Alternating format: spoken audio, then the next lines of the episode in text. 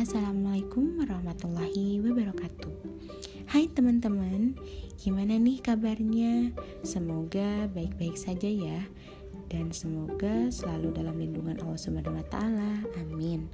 Oh iya, perkenalkan namaku Milda Septiani, mahasiswi jurusan Bimbingan Konseling Islam kelas 6C, Fakultas Dakwah Komunikasi, UIN Sunan Gunung Jati Bandung.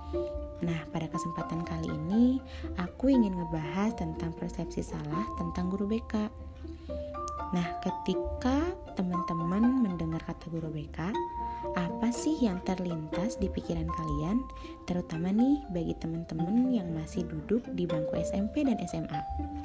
Hmm, setelah aku survei ke beberapa temanku yang masih sekolah, bahkan yang sudah lulus, pasti jawaban yang mereka lontarkan terhadap guru BK yaitu polisinya sekolah, satpamnya sekolah, guru yang galak, menyebalkan, dan suka menghukum. Sehoror itukah guru BK di mata kalian, teman-teman? Nah, pada realitanya, guru BK selalu diidentikan sebagai sumber-sumber ketakutan, tidak heran jika peserta didik selalu memiliki julukan yang kurang pantas bagi seorang guru BK. Berbagai julukan yang sering kali diidentikan pada guru BK menjadi cerminan psikologis mereka ketika berhadapan langsung dengan guru BK. Nah, keadaan tersebut disebabkan oleh ketakutan, kerisauan, serta kemarahan yang terus-menerus yang dirasakan sehingga berbentuk sebuah anggapan bahwa guru BK adalah seorang yang menakutkan. Ya, ternyata persepsi orang-orang terhadap guru BK sudah sejauh itu ya teman-teman. Oke, baiklah. Pada kesempatan kali ini, aku ingin meluruskan persepsi kalian terhadap guru BK Bimbingan dan konseling adalah proses interaksi antara konselor dan konseli, baik secara langsung maupun tidak langsung, dalam rangka untuk membantu konseli agar dapat mengembangkan potensi dirinya ataupun memecahkan masalah yang ada pada dirinya. Baik teman-teman, dari pengertian tersebut dapat diketahui oleh kita bahwasannya guru BK bukanlah guru untuk menghukum siswa satpam sekolah ataupun polisi sekolah. Akan tetapi, guru BK itu akan membantu siswanya untuk memecahkan masalah dan membantu mengembangkan potensi siswanya tersebut. Yang pastinya, guru BK bukan hanya untuk menganalisis anak siswanya saja, namun tetapi bisa juga menjadi tempat curhat bagi semua siswa.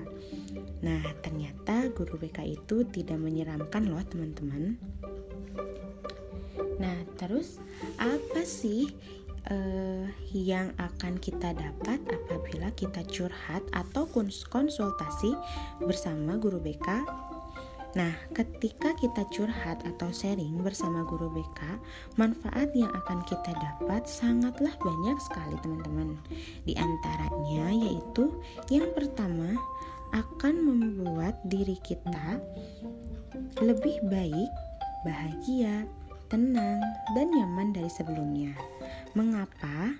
Karena bimbingan konseling tersebut membantu kita untuk menerima sisi baik buruknya yang ada dalam diri kita.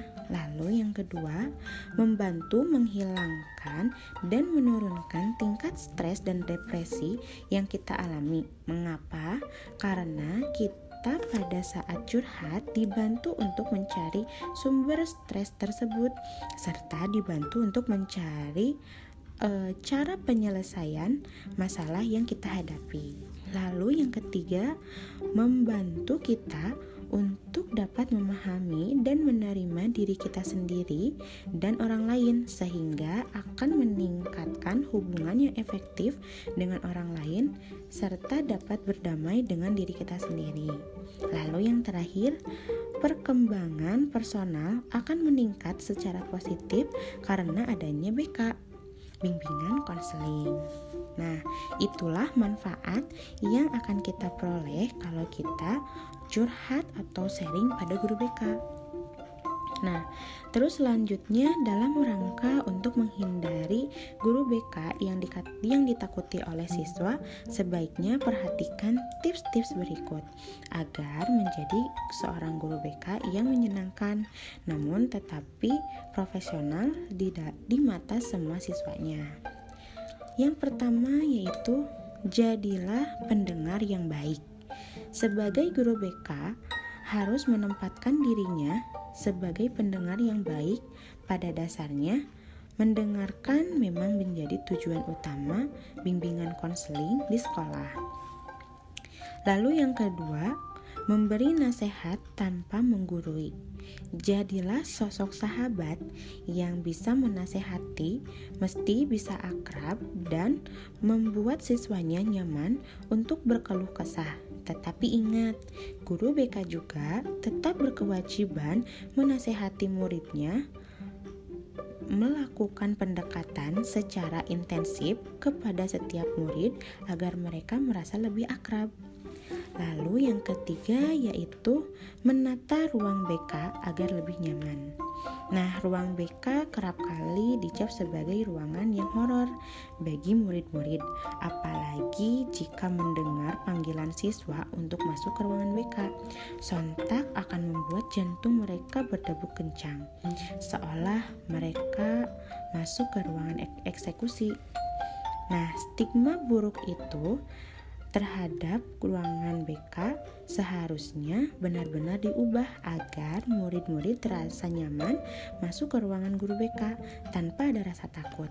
Oleh sebab itu, tata ruang guru BK dengan rapi berikan hiasan-hiasan yang estetik agar terlihat ramah bagi setiap siswa yang masuk ke ruangan guru BK tersebut. Dan jangan lupa beri kursi sofa yang empuk ya supaya mereka nyaman curhat bersama guru BK. nah, itulah tips-tips menjadi guru BK yang baik.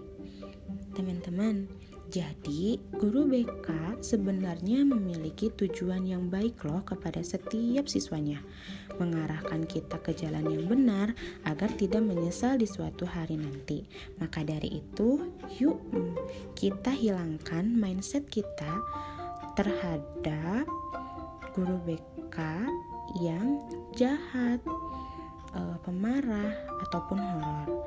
Baik, mungkin sekian untuk episode podcast kali ini. Semoga bermanfaat. Wassalamualaikum warahmatullahi wabarakatuh. See you.